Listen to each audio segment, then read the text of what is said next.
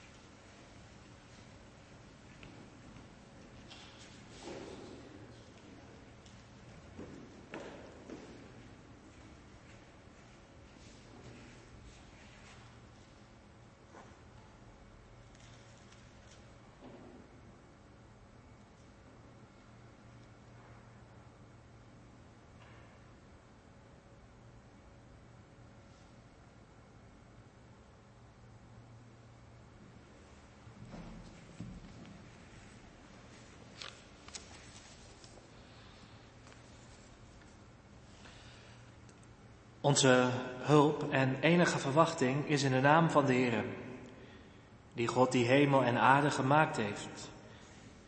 En hij die trouw houdt tot in eeuwigheid. En hij die niet loslaat de werken van zijn handen. Amen. Genade zij u en vrede van hem die is en die was en die komen zal. En van de zeven geesten die voor zijn troon zijn. En van Jezus Christus die de getrouwe getuige is, de eerstgeboren uit de doden en de vorst van de koningen der aarde. Amen. Geweten, we willen gaan zingen Psalm 41. En die heeft mij wel eens ondersteunt, die psalm. Zo heb je wel eens van die psalmen die je wel eens aan moet herinneren. Welzalig is hij of zij die zich verstandig draagt bij een ellendig mens. Nou, misschien hebt u ook wel eens iemand echt geholpen die in nood was, in ellende was. Welzalig is hij die zich verstandig draagt bij ellendig mens. De Heer zal hem, wanneer hij treurt en klaagt, bevrijden naar zijn wensen. Mag je ook tegen de Heer zeggen, Heer, u weet hoe het leeft in mijn hart. U weet ook dat ik heel graag anderen wilde helpen, die ook naar Christus te leiden, ook in hun nood. Maar Heer, nu ik het zelf moeilijk heb, wilt u mij dan bevrijden naar uw wens, naar zijn wens, Heer. Wilt u dat maar doen wat hier staat. Psalm 41 en wil ook vers 1 zingen dus en vers 2.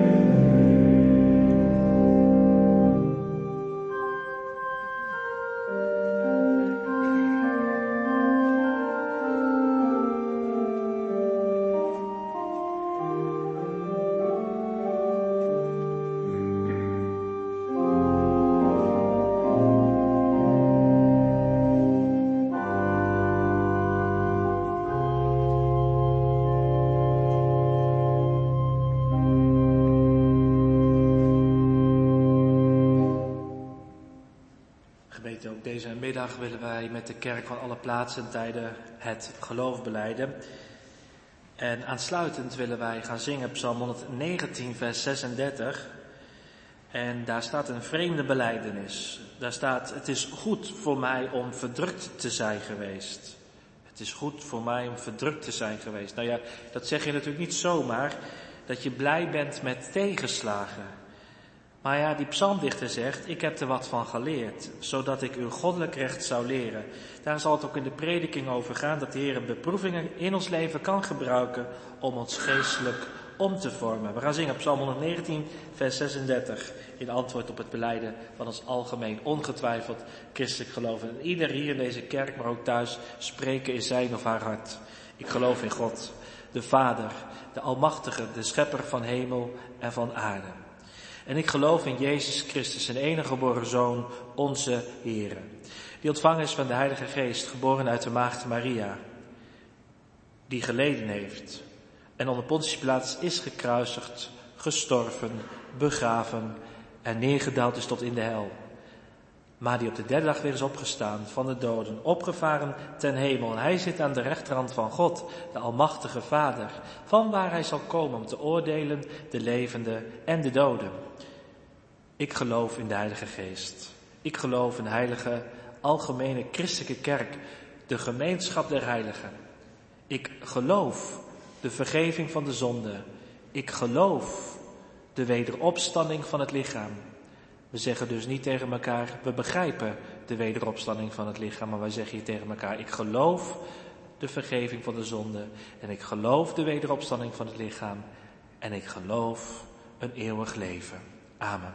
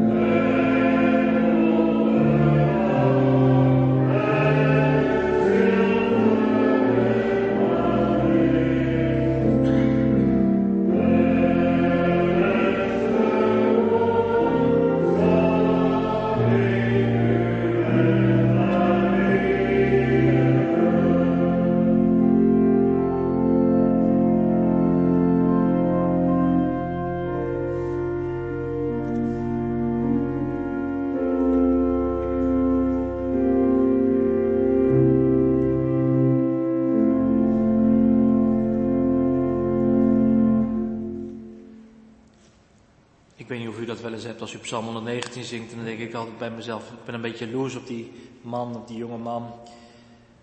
Wat heeft hij veel en wat heeft hij er zin in?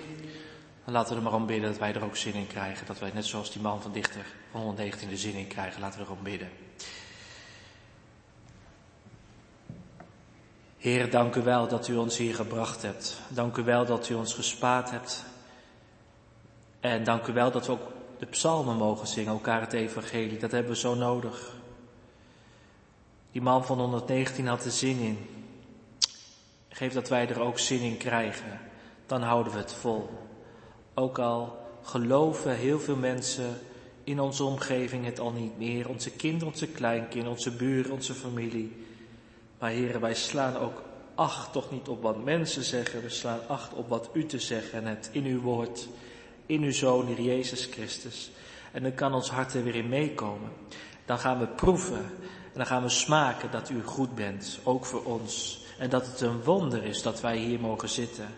En dat het een wonder is dat we onze stoel niet hebben leeggelaten, maar dat, dat wij deze stoel, dat we daar een plaats in mochten nemen. Want alle stoelen in deze kerk zijn duur betaald. Ze zijn allemaal betaald met het bloed van de Jezus Christus. En geef, heren, dat we dan zo ook op onze stoel zitten met verwondering en verbazing. Dat we denken, ik had ook zo makkelijk met de wereld meegesleurd kunnen worden. Ik had ook kunnen doen waar ik gewoon zelf zin in had. Die weg was ook veel makkelijker geweest. Maar nou hebt u aan ons getrokken. Nou hebt u ons vastgehouden. Nou hebt u ons uw Heilige Geest gegeven, zodat we ja, tegen onszelf zeiden of tegen een ander zeiden, ik kan niet meer zonder dat evangelie. Want zonder dat evangelie heb ik geen leven en zonder dat evangelie kan ik niet sterven. Wij bidden u of u met macht en kracht over wil komen. Nou kunnen we heel veel dingen bidden. En er leeft soms zoveel in ons hart, want er is zoveel om te bidden. Maar nou willen wij deze middagdienst bidden om uw Heilige Geest. Want als we de Heilige Geest hebben, dan ontvangen we alles. Alles wat ons hart zo nodig denkt te hebben, dan wilt u ons uw Heilige Geest geven, die ons leidt in de waarheid, die ons de vrede geeft, die ons laat zien dat in Christus, dat u ons genadig bent, die ons de liefde geeft om een ander lief te hebben, u lief te hebben boven alles, die ons leert hopen. Heere, schenk uw geest. En wilt u alstublieft de kerkraad, uw dienaar, ook bedouwen met uw geest, zodat ze in die volheid staan.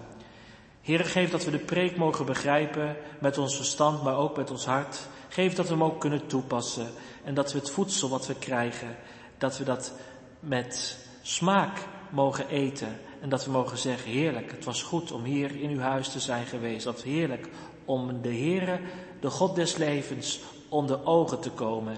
Wil zo uzelf present stellen, dan hebben we het goed. En wilt u de boze weren en wilt u geven dat het evangelische loop mag hebben. Hier in uw huis, maar ook bij de luisteraars thuis. De mensen die misschien kwetsbaar zijn. De mensen die zich eenzaam voelen. Die misschien wel eens denken aan vroeger, toen kerken vol zaten en zij mochten genieten om in de kerk te zijn en toen u zo dichtbij kwam en nu zijn ze misschien wel alleen. En voelen ze zich ook alleen. Maar wilt u dan geven dat deze zondagavond zij zich niet alleen voelen en dat ze mogen bemerken dat u hen kent en dat u ze doorgrondt en dat u van hen weet en dat ze zo de toekomst niet met angst tegemoet zien, maar met hoop omdat Christus gekomen is in ons vlees. Ik wil ook bidden voor de zending, het evangelisatiewerk hier. Gelukkig zijn wij allemaal evangelisten. Als ze maar iets goeds van de Heer spreken, dan schakelt u ons al in en geeft dat we ook goed van u zullen spreken. Maar we willen ook bidden voor zendelingen of evangelisten in ons land, maar ook verder buiten, waar u ze ook een plaats hebt gezet. En het zijn meestal moeilijke plaatsen. U plaatst zendelingen en evangelisten nooit op makkelijke plaatsen. En waar is het nu wel makkelijk? De boze krijgt steeds meer macht. We zien dat u hem ook steeds meer ruimte geeft. Maar wij vragen u of u hem nog wilt tegenhouden.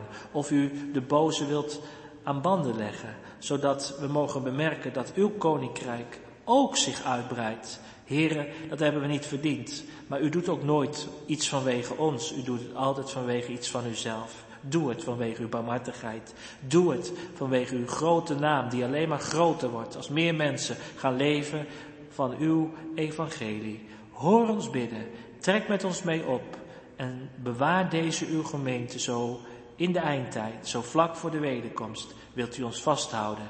In Jezus' naam bidden u dat. Amen.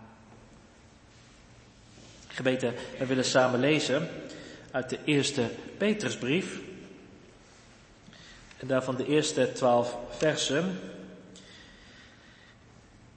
En de tekst voor de verkondiging is dan vers 6 en 7, maar we willen natuurlijk wel heel het gedeelte lezen, tenminste het eerste gedeelte van de eerste Petrusbrief, de eerste twaalf versen.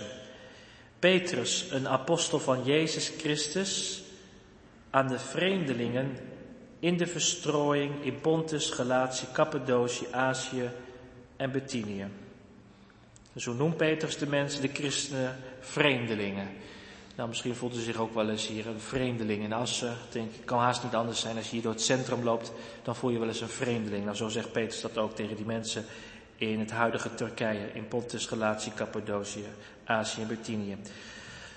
Uitverkorenen, overeenkomstig de voorkennis van God de Vader, door de heiliging van de Geest, tot gehoorzaamheid en besprinkeling met het bloed van Jezus Christus, mogen genade en vrede voor u vermeerderd worden. Geprezen zij de God en Vader van onze Jezus Christus, die ons na zijn grote barmhartigheid opnieuw geboren deed worden tot een levende hoop, door de opstanding van Jezus Christus uit de doden, tot een onvergankelijke, onbevlekte, onverwelkbare erfenis die in de hemelen bewaard wordt voor u. U wordt immers door de kracht van God bewaakt, door het geloof tot de zaligheid die gereed gelicht om geopenbaard te worden in de laatste tijd. Dat is ook weer een troost. Misschien dat er mensen zijn onder ons of thuis die bemerken dat ze wat vergeetachtig worden en je denkt, hou ik het wel vast? Nou, u wordt bewaard door de kracht van God. Dus ook als u soms misschien dingen doet waar je hele de consequenties niet van ziet, maar als u geloofd hebt in de Heer Jezus, zal Hij ook u bewaren in het laatste stukje van uw leven. U wordt immers bewaard door de kracht van God. Daarin verheugt u zich, ook al wordt u nu voor een korte tijd, als het nodig is, bedroefd door allerlei verzoekingen, zodat de beproeving van uw geloof, die van grote waarde is dan die van goud dat vergaat en door het vuur beproefd wordt, mag blijken te zijn tot lof en eer en heerlijkheid bij de openbaring van Jezus Christus. Hoewel u hem niet gezien hebt, hebt u hem toch lief. Hoewel u hem nu niet ziet, maar gelooft, verheugt u zich met een onuitsprekelijke en heerlijke vreugde. En verkrijgt u het einddoel van uw geloof, namelijk de zaligheid van uw zielen. Na deze zaligheid hebben de profeten die geprofiteerd hebben over de genade die aan u bewezen is, gezocht en gespeurd, zonder zocht op welke en wat voor tijd de geest van Christus, die in hem was, doelde toen hij tevoren getuigde van het lijden dat op Christus komen zou, maar ook van de heerlijkheid daarna. Aan hen werd geopenbaard dat ze niet zichzelf, maar ons dienden in de dingen die u nu verkondigd zijn, door hem die u het evangelie verkondigd hebben, door de Heilige Geest, die vanuit de hemel gezond is, dingen waarin de engelen begeerig zijn zich te verdiepen. Ja, dan moet u ook maar eens bedenken dat de engelen soms meer begeerig zijn de dingen van Gods koninkrijk daarin te verdiepen dan wij mensen. Dus de engelen zijn soms meer benieuwd hoe het hier gaat in Assen dan we soms zelf ermee bezig zijn. De dingen waarin de engelen begeerig zijn zich te verdiepen. Gemeente, we gaan zingen, Psalm 26. En ik heb het al een klein beetje gezegd, soms wordt u en mijn geloof getest. Soms komt uw geloof in een zware beproeving terecht. En wist u dat, dan mag u de Heer zelfs om bidden. Hebt u, de, hebt u de Heer wel eens gebeden? Heere, wilt u mijn geloof beproeven? Wilt u mijn geloof testen? Hebt u er wel eens zo gebeden? Nou ja, als u Psalm 26 straks van harte meezingt, dan hebt u dat wel eens gebeden. Beproef vrij van omhoog. Mijn hart dat voor uw oog alwetende steeds open lag. Want ja, je kunt nu eenmaal beter in dit leven door de mand vallen als een huigelaar, dan straks voor Gods rechterstoel. Here, onderwerp mij aan uw test. We gaan zingen, Psalm 26, 2.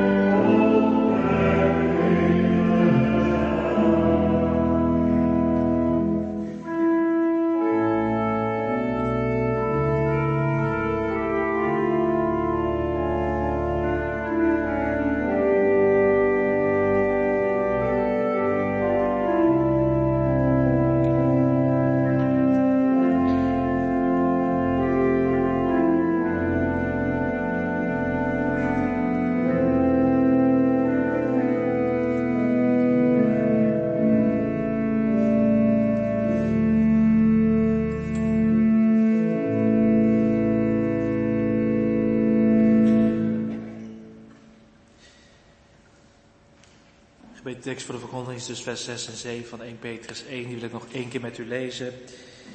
Daar staat, daarin verheugt u zich, ook al wordt u nu voor een korte tijd, als het nodig is, bedroefd door allerlei verzoekingen. Omdat de beproeving van uw geloof, die van grote waarde is dan die van goud dat vergaat en door het vuur beproefd wordt, mag blijken te zijn tot lof en eer en heerlijkheid bij de openbaring van Jezus Christus. Gemeente Petrus, hij schrijft een brief aan de vreemdelingen in Klein-Azië, dat is het huidige Turkije. En dat zijn christenen, en dat kun je lezen in vers 8, dat zijn gelovigen die de Jezus hebben liefgekregen, maar ze hebben de Jezus nooit gezien.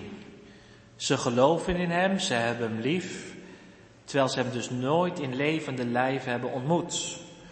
Stuk bij, die, bij Petrus anders geweest. Petrus was natuurlijk heel intiem met die Jezus. Hij heeft drie jaar lang heel dicht bij de Jezus geleefd. Maar dat God voor deze vreemdelingen niet. Ze hebben dus de Jezus nooit gezien. Hebt u er wel eens over nagedacht? Dat je van een opa kan houden die je nooit hebt gezien. Je kunt eigenlijk niet zeggen dat je iemand lief hebt die je nooit hebt gezien. Het is natuurlijk heel moeilijk om van iemand te houden die al gestorven is voordat u op deze wereld kwam. Kun je wel een bepaalde relatie mee hebben, door foto's en zo, maar zo'n innerlijke band heb je daar niet mee. Dat is natuurlijk met de Heer Jezus heel anders. Al heb je hem nooit gezien, dan is het toch mogelijk om zielsveel van Jezus te houden en zelfs hem lief te hebben boven alles. En hoe kan dat nou? Ik heb er natuurlijk thuis over nagedacht. Hoe kan het nou dat je van de Heer Jezus wel kan houden? Mijn opa bijvoorbeeld, bij opa heb ik altijd hele goede verhalen over gehoord, maar hij stierf twee jaar voor mijn geboorte. Nou ja, ik heb respect voor hem, maar ik heb hem niet lief gekregen zoals ik de Jezus heb lief gekregen. Hoe kan dat? Ja, dat zit zo, dat komt dat Christus de levende is. En hij is het die het leven uitdeelt. En dan is het zien met onze ogen eigenlijk niet van belang. Want het gaat bij deze liefde om de liefde van het geloof. Dat je geleden mocht ik komen op de meisjesclub, meisjes van 9 tot 12. En dat waren, nou, hele aardige meisjes en die stelden hele mooie vragen. Een uur lang was ik bezig met vragen, mocht ik vragen beantwoorden.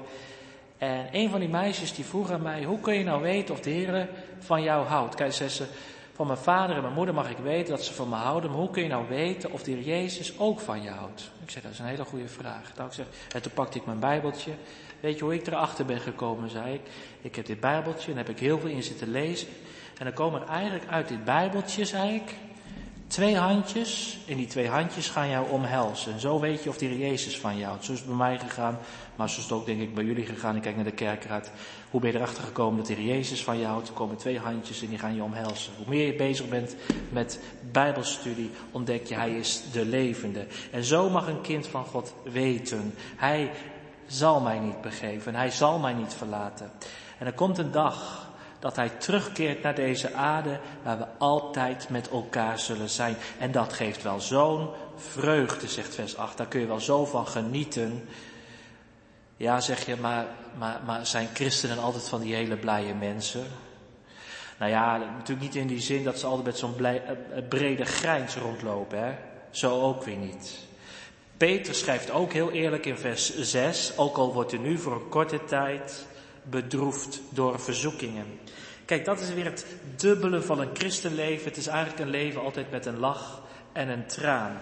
Het is niet alleen de ervaring van het geliefd zijn. Het is niet alleen het blijde vooruitzicht straks. Er zijn ook, zo lees ik in onze tekst, er zijn ook allerlei verzoekingen. En dat is de oorzaak van die tranen, van die droefheid. Want een christen die zich geliefd weet, bevindt zich op een slagveld. En nou wordt dus van twee kanten aan hem getrokken. Aan de ene kant is daar dus de trekkracht van Gods liefde, maar aan de andere kant is daar ook de duivel. En die trekt en die short wat af in het leven van Gods volk. Verzoekingen, wat is dat dan? Nou, alles wat de duivel in het werk stelt om je bij de Heer Jezus vandaan te halen. Om je af te duwen van het fundament waar God je op heeft geplaatst. Die duivel, die zit dus nooit stil. Die duivel, die vuile rat, die zit altijd weer te stoken. Hij geeft nooit op. Vandaag niet, morgen niet, Tot je laatste levenssnik niet. Altijd doet hij nieuwe pogingen. Peter spreekt dan ook van allerlei verzoekingen. Er staat in de grondtaal veel kleurige verzoekingen. Veel kleurig. Dus die verzoekingen zijn in allerlei geuren en kleuren. In allerlei soorten en maten. De duivel kan zelfs komen met bijbelteksten. Liefst halve. Zonder context. Dat doet altijd goed, hè? Halve bijbelteksten. De duivel heeft zo gezegd heel veel pijlen op zijn boog. En daar hadden dus de eerste lezers ook mee te maken. Verzoekingen, allerlei vorm, intimidatie, verleiding, tegenslag, vervolging, verdriet. Alles grijpt de duivel aan. En hij levert maatwerk. Iedereen krijgt een persoonlijke behandeling. En hij zoekt vaak uw zwakste plek om daar naar binnen te infiltreren, om daar naar binnen te dringen. En dat kan natuurlijk van alles zijn. Dat kunnen uw psychische problemen zijn, waar nou nooit een eind aan komt. Je vraagt je af, hoe kan dat nou? Hoe, kan hoe moet ik dat toch rijmen met Gods liefde? En de ander ervaart juist die welvaart, de welvaart van 2023 als een grote verzoeking. Je kunt niet goed met geld overweg. Of misschien heb je wel intellectuele twijfels. Is het geloof nog wel wetenschappelijk houdbaar? Of misschien is het wel uw natuurlijke laksheid en luiheid om in de Bijbel te ploegen en laat je het bidden makkelijk zitten. Of misschien zijn het wel verkeerde vrienden waar je niet mee durft te breken. Of is het misschien het werk wat zoveel van je eist. Kijk, daar ben je als christen natuurlijk niet immuun voor. Tegendeel, bepaalde verzoekingen trekken zelfs aan je. Die trekken zelfs. En wat zegt Petrus dan van die verzoekingen? Hij zegt, het duurt maar een korte tijd. Het duurt maar een korte tijd. Die verzoekingen zullen dus maar tijdelijk zijn. Al duurt het een mensenleven, al maakt het je mee vanaf je jeugd. In Gods oog is het maar een korte tijd. Niet dat jij het altijd zo ervaart. Misschien ondervindt u nu in uw huwelijk alleen maar tegenslag, tegenslag. En je, je, wordt bang en je denkt, hoe houd ik dit vol? Misschien ervaart u ook in uw vriendenkring, naarmate u dichter bij het woord van God wil leven, dat je steeds meer wordt afgewezen. Hey zwaar of hey revo, jij weet het. En toch zegt Petrus, het is maar voor een korte tijd. Een korte tijd, vergeleken met de heerlijkheid die wacht, waarin jij je eeuwig in mag verheugen. Professor Wisse, misschien zitten hier mensen uit de Christelijke Familiekerk van oorsprong. Ik zelf wel, ik kom zelf uit de Christelijke Familiekerk. Maar goed, professor Wisse, misschien kent u zijn naam wel. Professor Wisse heeft eens gezegd, één minuut in de eeuwigheid, dan je al het lijden van deze tijd al vergeten. Daar hebt u straks dus maar één minuut voor nodig om al het lijden te vergeten. Onze tekst zegt dus, het lijden is niet eindeloos, maar onze tekst zegt dus ook, en dat vind ik opvallend, het lijden is niet zinloos. Ja, maar dat is wat de wereld zegt, hè. Als je klap oploopt, als je veel klap oploopt, dat is zinloos. Je pech gehad. Je hebt je karma tegen. Probeer er maar in te schikken, het is niet anders.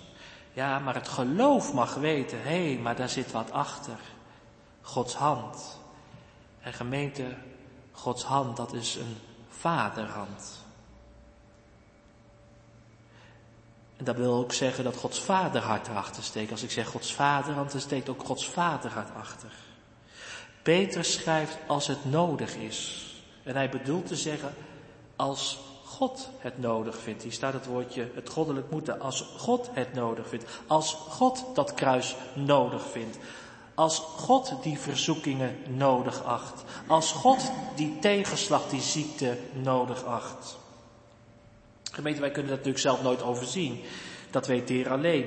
Hij overziet u en mijn levensweg al van begin tot eind. Wij hebben niet de helikopterview. Maar er gebeurt dus nooit iets toevalligs in een christenleven. Er gebeurt nooit iets toevalligs. Maar tegelijk geeft het ook weer veel vragen. Reken maar, het kan stormen in een hart. Dat je afvraagt, heren, waarom moet ik dit weer meemaken? En waar was dat nou weer nodig voor? En wat dient dit nou toe? En nou ja, als je de Jezus volgt, kun je echt niet allemaal kloppend krijgen. En toch mag een christen weten, de Heere regeert. Mijn leven is geen speelbal van de duivel. En mijn leven is ook geen aaneenschakeling van allerlei toeval. Ook al kan ik er zelf maar geen lijn in ontdekken en geen zin aan ontlenen. En nou zegt onze tekst, dat past nou in Gods plan. De Heer heeft een plan met zijn kinderen. En dan bedoel ik natuurlijk niet zoals de Amerikaanse theologie dat ons leert, en de evangelische theologie, ja, God heeft met een ieder een plan en dat betekent altijd dat je voorspoed krijgt. Nou, zo niet hoor, echt niet. God heeft wel een plan. Wat dat plan voor u is, dat kan ik natuurlijk niet in detail u uitleggen. Maar ik kan u wel de hoofdlijn meegeven van dat plan. Weet u wat de Heer met u en mijn leven wil? Weet u wat de Heer met jouw leven wil bereiken? Hij wil je tot de volmaaktheid brengen. Dat wil zeggen, hij wil je mooi maken. Heel mooi. Wij denken aan mooi, aan mooie mensen die dan van de buitenkant er mooi uitzien. Hè? En dan gaan we werken met make-up of sporten en zo en weet ik wat. Maar als de Heer een mens mooi maakt, dan maakt hij ons vooral van binnen mooi. Dan worden we ootmoedig. Dan worden we nederig. En dan gaan we steeds meer op die Jezus lijken. O zoon, maak mij uw beeld gelijk. En dat doet God nou door beproevingen. Dat doet de Heer nou door tegenslagen. Zo worden we steeds meer gelijk aan de Jezus. En daarom spreekt Petrus in onze tekst over de beproeving van het geloof. Is eigenlijk heel opvallend, hè? Wat hij nou zegt, hè? Want in vers 6 heeft Petrus het over verzoekingen. Maar in vers 7 heeft hij het ineens over beproevingen. Verzoekingen, vers 6, vers 7, beproevingen. Maar hij bedoelt hetzelfde. Het is hetzelfde en toch anders. Het is hetzelfde verdriet, het is dezelfde tegenslag, het is dezelfde pijn en moeite. En toch kijk je in beide gevallen er anders tegenaan. Het zit namelijk zo, de verzoekingen die komen van de boze en de beproeving die komt van de Heer. En nou het wonderlijke. En wie bijbelvast is, die moet het weten. De Heere neemt die verzoekingen van de duivel in zijn plan mee. Hij gebruikt de verzoeking van de duivel in zijn hemelse smederij en hij smeet het om tot een beproeving. Hij maakt er dus iets goeds van. Stel u wordt ziek. Dan ziet de duivel altijd zijn kans schoon om te gaan zoeken, te storen, te zieken en te verzoeken. En dan gaat hij zeggen tegen je, zie je wel, zie je wel, zie je wel dat, dat je aan God niks hebt? Zie je wel dat bidden niet helpt? Laat het geloof toch zitten, man. Kom je je leven ook niet verder mee. Maar wat doet de Heer dan? Hij doet dan net het tegenovergestelde. Hij smeet zo'n verzoeking om tot een beproeving. Hij zorgt ervoor dat je juist door die ziekte je de afhankelijkheid aan hem des te meer gaat ervaren. En dat je juist die periode van ziekte meer bezig bent met bidden en meer bezig bent met bijbellezen, veel meer toen je kerngezond was. En ineens leer je nadenken over de echte vragen van het leven. En dat je wel eens terug mag kijken op zo'n complexe periode, dat je naar terug mag kijken. Dat je dan Psalm 119 gaat zingen. Het is goed. Het is goed voor mij om verdrukt te zijn geweest. Want het heeft me niet van God verwijderd. Het heeft me van de Heer niet vervreemd. Maar het heeft me juist des te meer aan de Heer verbonden. Gemeente, heel veel mensen willen graag weten of hun geloof wel echt is. Heel veel mensen willen weten of hun geloof echt is. En dan gaan mensen het zoeken in bevindingen. En dan gaan mensen het zoeken in ervaringen of in gevoelens. Dan zingen we lichtstad met palenpoort en dan zeggen ze, ja, ik, ik, had kippenvel, ik had kippenvel, dus dan moet het wel echt zijn. Nou ja, denk ik altijd, als Mark Rutte in de kerk had gezeten, had hij ook kippenvel gekregen bij lichtstad met palenpoort. Moet je echt niet in zoeken hoor, je moet je geloof natuurlijk nooit gaan zoeken in, in een kippenvelmoment. Daar moet je niet in zoeken. Want wilt u graag weten of uw geloof wel echt is, daar kom je pas achter als de Heer je beproeft. Denk maar aan Abraham. Abraham die Isaac moet offeren. Ik zei net, die duivel die gebruikt die verzoekingen om u mij te val te brengen. Om dat geloof van u mij in de nek om te draaien. Om het geloof bij u mij weg te werken uit het hart. Maar de Heer wil juist die verzoeking gebruiken tot een beproeving. Zodat het geloof bij u wordt gesterkt. Zodat het geloof bij u wordt gezuiverd. Maar dat wist u al. En ik kijk naar de ouder, dat wist u al lang, dat is al geleerd bij de doop. Het staat in ons doopformulier. Ik weet trouwens, ik zit te zoeken hier naar doopsvol, maar waar staat hij hier? Oh, je staat hier achter mij. Dat is al geleerd bij uw doop. Dat hij als hemelse vader het kwade van je wil weren, dat allereerst. Dat is beloofd bij uw doop. Dat hij dat kwade van je wil weren. Dat God je wil beschermen van alle kwaad. Nou, als ik terugkijk naar mijn leven, denk ik, wat heeft de Heer me vaak beschermd van alle kwaad? Jazeker. Maar als het kwade dan toch je leven binnenkomt, als God dat kwade in je leven toelaat, dan wil hij dat kwade ten goede gebruiken. Dan verandert hij dat kwade in iets goeds. Petrus schrijft aan zijn lezers, die verzoekingen van Satan, hè, dat lijden, die vijandschap van de boze, die komen niet zo rechtstreeks naar je toe, maar die gaan via een bepaalde weg naar je toe. Die gaan allemaal door Gods vaderhand. Kijk maar eens goed naar mijn hand hier. Daar komt die boze, maar die boze kan niet rechtstreeks naar u toe komen, maar die gaan eerst via Gods vaderhand. En zo komt dat naar je toe. Zo gaan ze naar je toe. Dat kwade, dat moeilijke gaan door Gods vaderhand naar u toe. God maakt er iets positiefs van. Van het kwade maakt hij iets goeds. gemeente doet natuurlijk nog evenveel pijn. Het kost u en mij nog evenveel moeite. Maar het is wel een middel in Gods vaderhand om zijn doel, zijn plan met jou te bereiken. Het beeld wat Petrus dan gebruikt is het beeld van een smeltkroes. En dan moet u denken aan het werk van een edelsmid, een goudsmid. Nou, u weet misschien wel, een goudsmid, dat werkt met een klomp met goud. En wat doet zo'n goudsmid met zo'n klomp met goud? Hij werpt dat in een smeltoven. Dat goud, dat moet eerst gezuiverd worden. Er zit allemaal viezigheid aan, steentjes en zand, dat moet gezuiverd worden. Als ze bijvoorbeeld in Zuid-Afrika in een mijn heel diep onder de grond goud vinden, dan is het goud nog smerig en vies. Er zitten nog allemaal steentjes aan, zand. Kun je wel een beetje proberen schoon te wassen met water en zeep, maar dat wil natuurlijk, daar krijg je goud niet mee schoon. En daarom houden ze zo'n klomp goud in het vuur. Net zo lang totdat het goud gelouterd is. Zodat er alleen nog maar puur goud overblijft. Nou zegt Petrus, zo is dat ook met het geloof. Petrus vergelijkt het geloof met goud. Even een vraag zo tussendoor om u mee te nemen. Hebt u geloof? Hebt u geloof? Heb jij geloof? Ik hoop het. Ik hoop het echt. Dat wil je als dienaar graag weten. Het liefst zou ik bij de uitgang willen staan en u allemaal persoonlijk willen vragen. Hebt u geloof? Je kunt alles. Je kunt echt, ik, ik heb nu weer gisteren iemand in onze gemeente die is overleden. En die mevrouw die leefde echt uit het geloof. Toen besefte ik het weer. Ja, je kunt alles in dit leven missen. Maar het geloof kun je niet missen. Het geloof, zegt Peter, is zelfs kostbaarder dan goud. Ja, maar hoe kom je eraan, hè? Gemeente, hoe bent u er eigenlijk aan gekomen? Als je het hebt. Hoe bent u eraan gekomen? Nou, ik hoop dat als u het zegt, dat u zegt tegen mij, dominee, dat was een cadeau. Het was een gave van God. Want als u dat niet zegt, dan hebt u geen echt geloof. Echt geloof, dat krijg je altijd van de Heer. Het is altijd een geschenk van de Heilige Geest. Maar gemeente, het geloof krijgt u dus niet als een kant-en-klaar product. Een product waar niks meer aan hoeft te gebeuren. Als de Heilige Geest het geloof in u en mijn hart werkt, dan zegt de Heer dus niet, nou ja, hier heb je het, kun je het mee doen. Vanaf nu, ja, vanaf nu ben je een kind van God. En nou hoeft er niks meer te gebeuren. Nee, juist omdat het geloof zo waardevol is, besteedt de Heer er zelf ook zoveel aandacht aan. En dat je leven lang.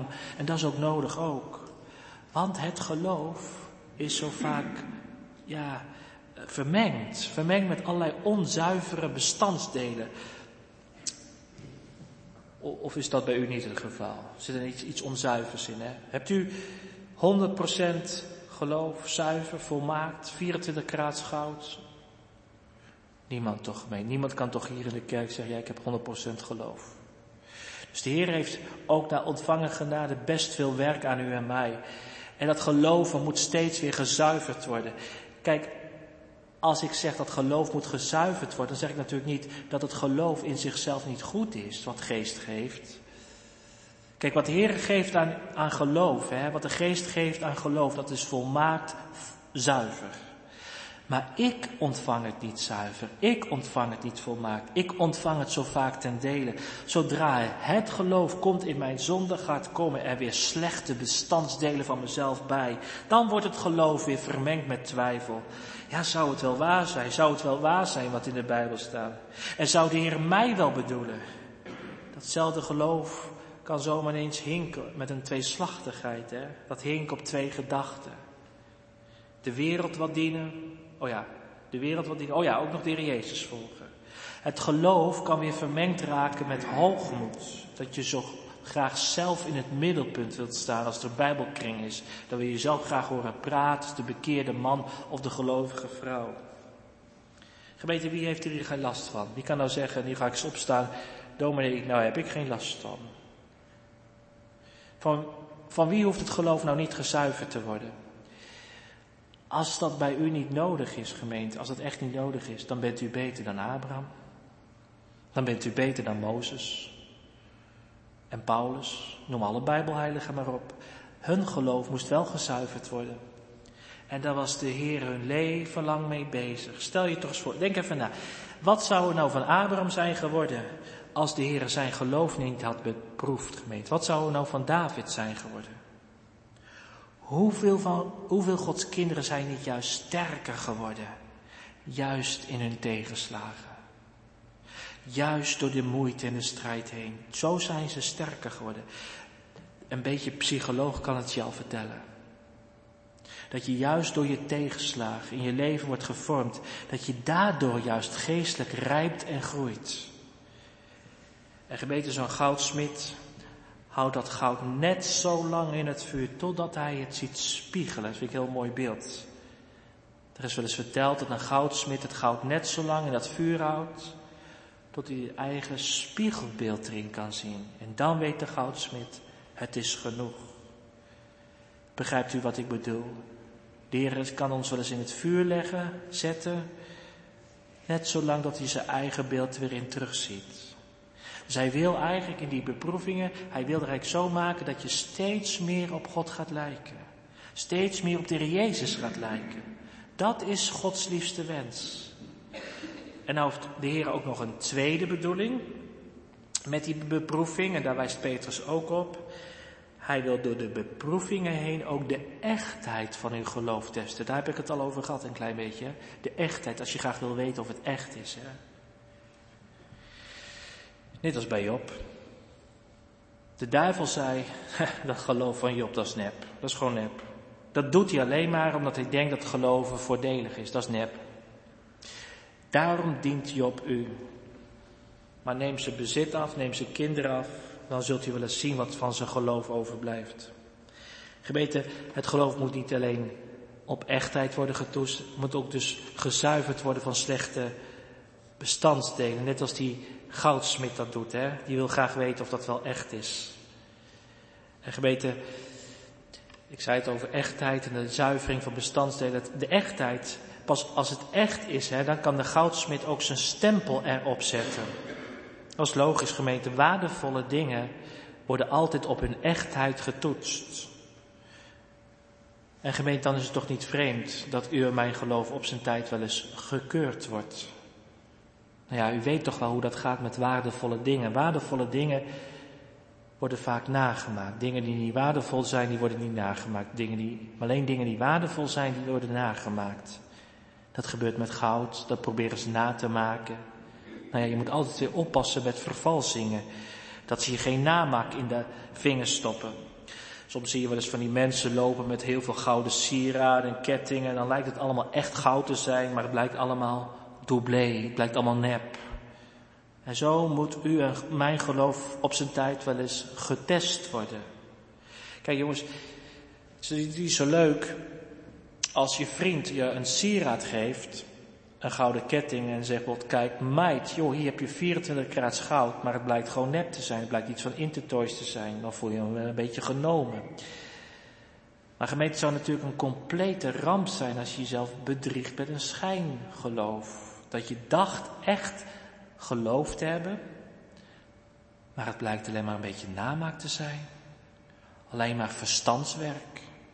Of alleen maar hol enthousiasme dat na verloop van tijd alweer weg hebt. Wat waardevol is, dat wordt nagemaakt. En daarom moet je de Heer ook maar niet kwalijk nemen als hij dat geloof van u en mij test. Dat hij dat beproeft. Daar moet je de Heer juist dankbaar voor zijn. En gemeente, weet u wat in zo'n vuurover dan gebeurt? Gemeente, ik, ik, hoop dat u het herkent, dat u met me meepreekt en je zegt, ja, weet je wat er dan gebeurt? Dan word je steeds afhankelijker van genade. En je gaat hier Jezus steeds meer nodig krijgen. Je gaat hier Jezus steeds meer nodig krijgen in de vergeving van je zonden. En je gaat hem steeds meer gebruiken tot de vernieuwing van je leven. En je wordt steeds nederiger en dienstbaarder, ook voor je broeders en zusters hier in Assen. Kijk, dat is groei in het geloof. Heel veel mensen denken groei in het geloof dat je zelf groeit. Nee, groei in het geloof is altijd dat je kleiner, nederiger, dienstbaarder wordt. En dan krijg je het heilige avondmaal. U hebt over twee weken avondmaal. Dan krijg je het avondmaal zo nodig. Of beter gezegd, je krijgt hier Jezus zo nodig. Zo gaat dat toch met het ware geloof. En als je geloof nou niet echt is, dan groei je bij Christus vandaan. En dan groei je bij het avondmaal vandaan. En de christenbroeders van Assen en de zusters, die mis je steeds meer in de kerk. Je bent niet trouw. Je bent niet meer trouw aan het lichaam van Christus. Want je hebt geen echt geloof. En daarmee ook geen echte liefde tot Hem en zijn gemeente. En wat gebeurt er dan met dat ware geloof als dat in het vuur over terechtkomt? Weet je wat dat geloof gaat doen? Dat gaat roepen, gemeente. Dat herkent u toch wel als je in nood bent. Hè? Als, ik, als ik voor mezelf mag spreken, de moeilijke momenten in mijn leven, dan ga ik roepen. Dan ga ik smeken. Smeken om Christus. En nou wil ik het wat praktischer maken, een beetje geestelijk praktisch deze keer. Wat gebeurt er nou als jij gaat smeken naar Christus? U hebt vast wel eens van die periodes gekend in je leven, dat je alles kwijt aan het raken bent, dat je gaat smeken naar Christus. Hè? Dan snak je eigenlijk als rank steeds meer naar de wijnstok. Dan ga je steeds meer vragen om de kracht van Christus. En weet je wat er dan gebeurt? Dat is misschien wel het mooiste. Vind ik wel eens een van de mooiste dingen in het geloof. Dan buigt de Jezus zich voorover. Daar waar je je zwak voelt. Daar waar je schuld ligt. Daar waar je het dus niet meer weet. Daar waar je ziekte is. Daar waar je stuk loopt in je gezin. En juist in die ellende mag je zijn vrede ervaren. Dat is machtig gemeente. In die ellende mag je dan zijn genade ervaren. Gemeente, ik heb er met eerbied gezegd niet zoveel aan aan een middelaar hoog in de hemel. Ik zeg dat wel eens in het pastoraat. Ik heb er niet zoveel aan, aan een, aan een God hoog in de hemel en een middelaar hoog in de hemel. Ik mag dat eigenlijk niet zeggen als dienaar van het woord van God. Als de kerkraad een beetje wakker is, dan zou hij zeggen, nou zegt die dominee rare dingen. Ik heb er niks aan, aan een middelaar hoog in de hemel. Maar ik hoop nou wel dat u een beetje bedoelt, begrijpt wat ik wil zeggen. Gemeente, ik moet een middelaar hebben in mijn schuld. Ik moet een middelaar hebben in mijn nood. In mijn diepte. Daar waar mijn vuile voeten staan. Daar waar ik me soms geen raad meer weet. En weet u, daar is de verzoeker, daar is de, de duivel zo bang voor. Denk maar aan Job. Daar is de duivel zo bang voor. Aan een middelaar in mijn nood. Want dan bereikt de duivel met al zijn verzoeking nou net het tegendeel. Ik hoop dat ik het een beetje duidelijk kan krijgen. De Satan is niet zo bang voor een Heer Jezus heel hoog op zijn troon. Daar heeft de duivel betrekkelijk weinig van te vrezen. Maar de duivel is zo bang voor een Messias in mijn ellende. Daar is de duivel bang voor. Hè, dominee, dan verandert er dus niks. Dan verandert er niks. Mijn handicap verandert niet. Mijn eenzaamheid verandert niet. Ja, maar dat is niet helemaal waar. Dat is niet waar. Dat hebben we ook gezongen met Psalm 41. Hè? Dan verandert er alles. In mijn ziekte verandert u mijn hele slaapkamer, hele leger, zo staat het ganse leger, zo staat in 41. Mijn hele slaapkamer wordt veranderd. Ik maak dat wel eens mee op sterfbedden hè? of ziekbedden. Dat denk ik, het is hier alleen maar verdriet, het is hier alleen maar lijden. Maar wat je daar tegenkomt op zo'n slaapkamer, op zo'n sterfbed, je komt alleen maar Christus tegen. Heel dat slaapkamer wordt veranderd. Je let niet meer op dat lijden, je ziet alleen nog maar Christus. En gemeente, u kent toch ook die tekst van Romeinen 8. Wij weten, niet wij voelen of wij, wij hebben dat altijd, maar wij weten het. Dat degenen die God lief hebben, alle dingen medewerken ten goede. Ook die moeilijke dingen.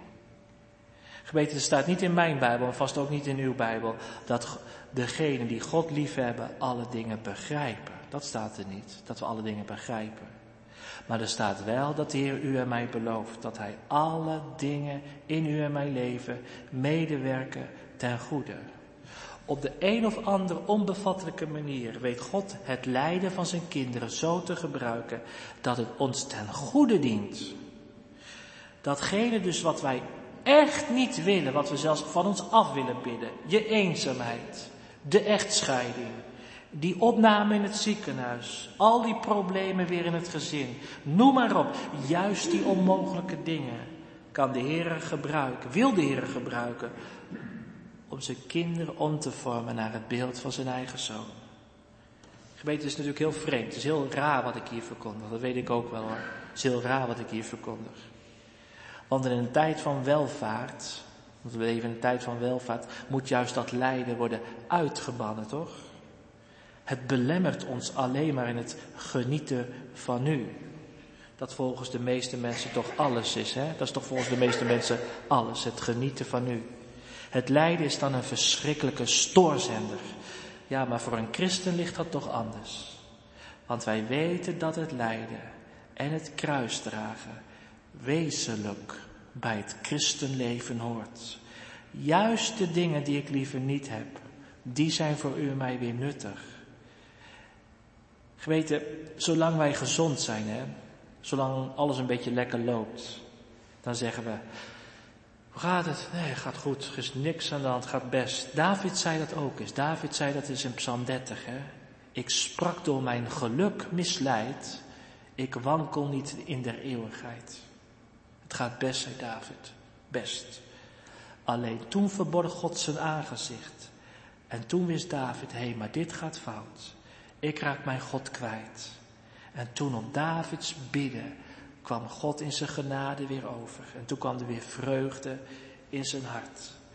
Petrus plaatst dan ook het lijden in dat licht, gemeente, in het licht van u en mijn zaligheid.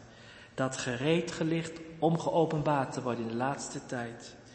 En gemeente, dan zal Christus ontvangen alle lof en alle eer. Want het echte geloof is toch altijd tot eer van hem. De zuster die in onze gemeente is overleden, woensdag is de rouwdienst. Ze heeft elke keer tegen mij verteld, wil je alsjeblieft niks over mij vertellen, maar wilt u alsjeblieft alles over de Heer Jezus verkondigen? Ja, denk, dat is ook mijn taak als dominee. Dat je niet een overledene gaat zitten. Maar dat vind ik altijd zo raar bij zulke rouwdiensten. Dat mensen hele dankdiensten overleven. En dan wordt allemaal verteld dat ze van hagelslag hield. En dat ze van de kinderen hield en van de kleinkinderen hield.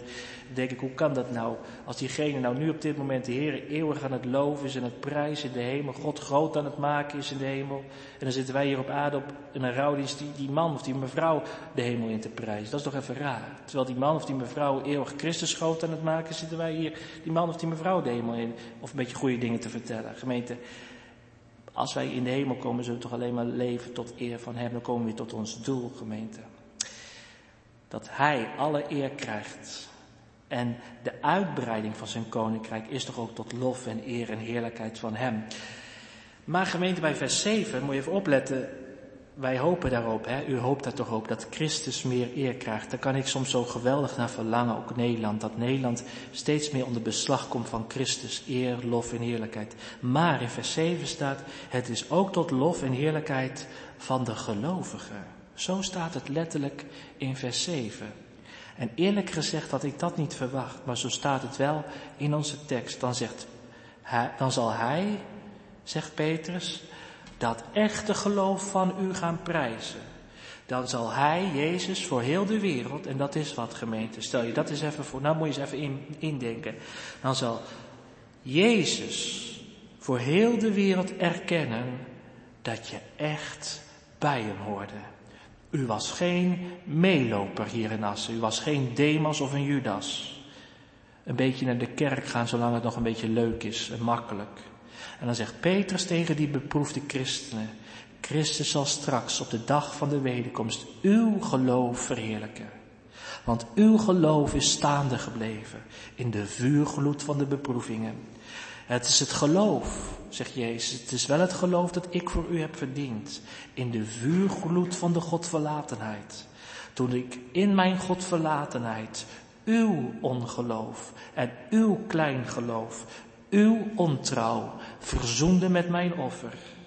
Toen ik in uw plaats volhardde, in de geloofstrouw aan mijn Vader en in de liefde tot mijn gemeente hier op aarde. En daarom zal ik uw bestreden geloof eren.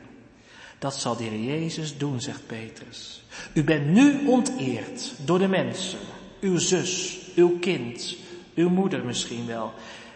Misschien een van je kinderen. Er zitten heel veel mensen met problemen met kinderen en kleinkinderen. Je kind of je kleinkind, dat je alle liefde wilde vertellen wie de Jezus voor je was. Hè?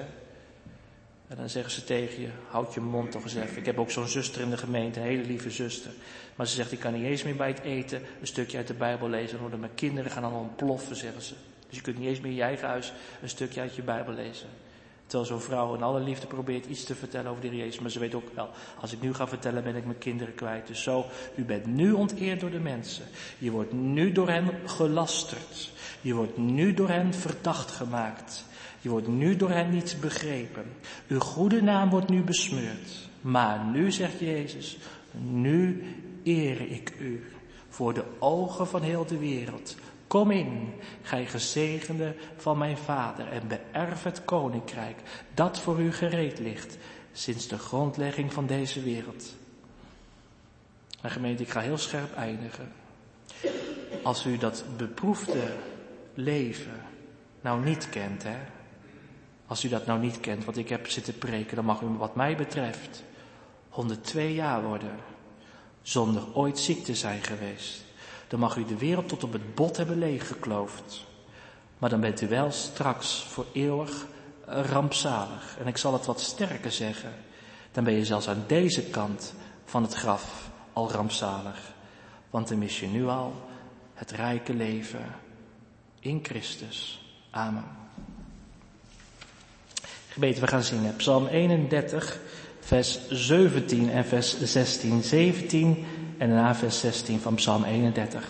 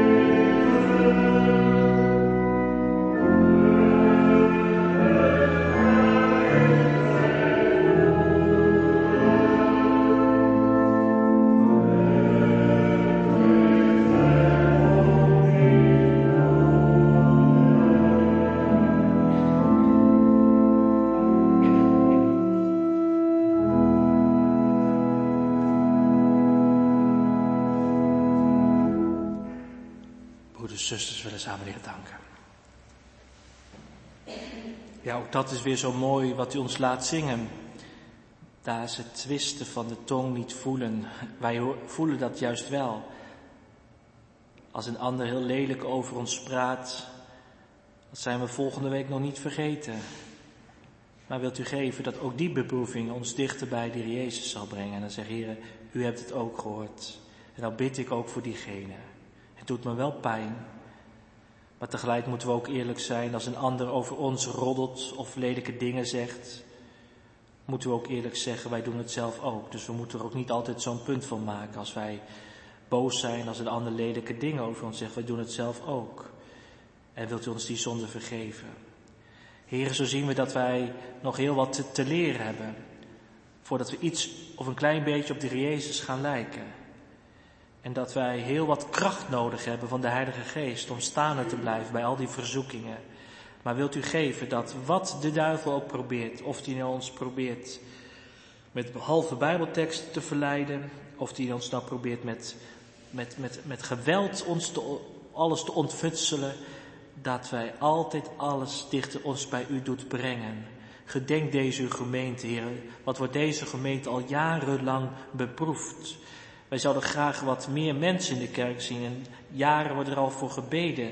En we zien soms de dingen nog ja, niet beter gaan, tenminste zoals wij het graag willen. Wij danken u dat u dan toch ook deze gemeente hebt staande gehouden. Dat u misschien wel juist dat hebt willen gebruiken, zodat ons geloof gelouterd wordt. Dat we ook hebben gezien, het zit hem niet in de aantallen, zo rekenen wij. Maar misschien hebben we juist, omdat wij zo klein zijn, ook onze kracht niet gezocht, iets in onszelf, want dat heeft de gemeente niet. Maar dat ze juist in dat klein, in dat kwetsbare, in dat ja, wat steeds bedreigd wordt, dat we juist de kracht zoeken in u. En dat we zo als broeders en zusters aan elkaar verbonden zijn. We hebben elkaar niet opgezocht, maar u hebt ons de broeder- en zusterband gegeven, dankzij die ene broeder, de Jezus Christus. En wat is hij gelouterd geweest, wat is hij aangevallen door de boze, maar wat heeft hem dichtgebracht bij zijn vader. En dan wil de Jezus ook zichzelf uitdelen. En doet u dat, Heer, ook aan deze gemeente. En maakt u deze tekst dan ook waar. Geef dat ons leven zal zijn. Ook de vreugde in ons hart te weten dat er straks een dag komt waar al dat lijden, al dat verdriet en al die onbegrijpelijke vragen van ons worden afgenomen. En als we verdriet hebben, en als het goed is het meest over onze zonde, dat we dat dan bij u brengen, bij de Heer Jezus want u vergeeft menigvuldig. Bewaar ons deze avond, breng ons thuis waar we verwacht worden en laat op de grote morgen niemand, worden, niemand ontbreken, dat we allemaal thuiskomen, daar waar we verwacht worden, in het Vaderhuis. Heren, hoor ons bidden, aanvaard onze dank, wij weten dat u dat doet, in en door uw Zoon, de Jezus Christus. Amen. Gebed ten slotte willen wij zingen Psalm 66, 4 en 5.